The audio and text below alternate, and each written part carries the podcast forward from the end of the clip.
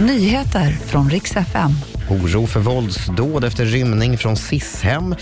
Och så kunglig glädje från Storbritannien. Både kung Charles och prinsessan Kate har fått komma hem. God morgon. Först ska det handla om den gängkriminelle man i 20-årsåldern som fritogs från ett SIS-hem utanför Uppsala igår. Mannen har enligt Expressen kopplingar till det kriminella gänget Husbys hyenor och polisen fruktar att han kan ta på sig morduppdrag ute i det fria. Enligt uppgifter till TV4 Nyheterna tros mannen nu befinna sig i Stockholm.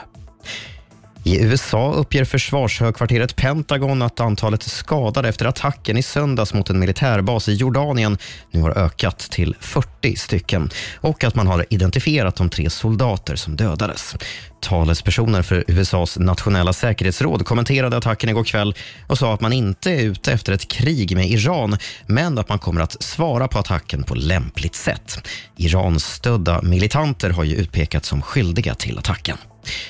Och till sist lite glädje från Storbritannien för kung Charles har nu fått lämna sjukhuset efter sin planerade prostataoperation.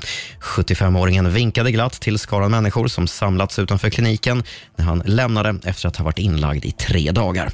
Även prinsessan Kate har fått lämna sjukhuset efter sin magoperation som hon gick igenom häromveckan. Det här rapporterar brittiska medier. Och det var de senaste nyheterna. Jag heter Robin Kalmegård.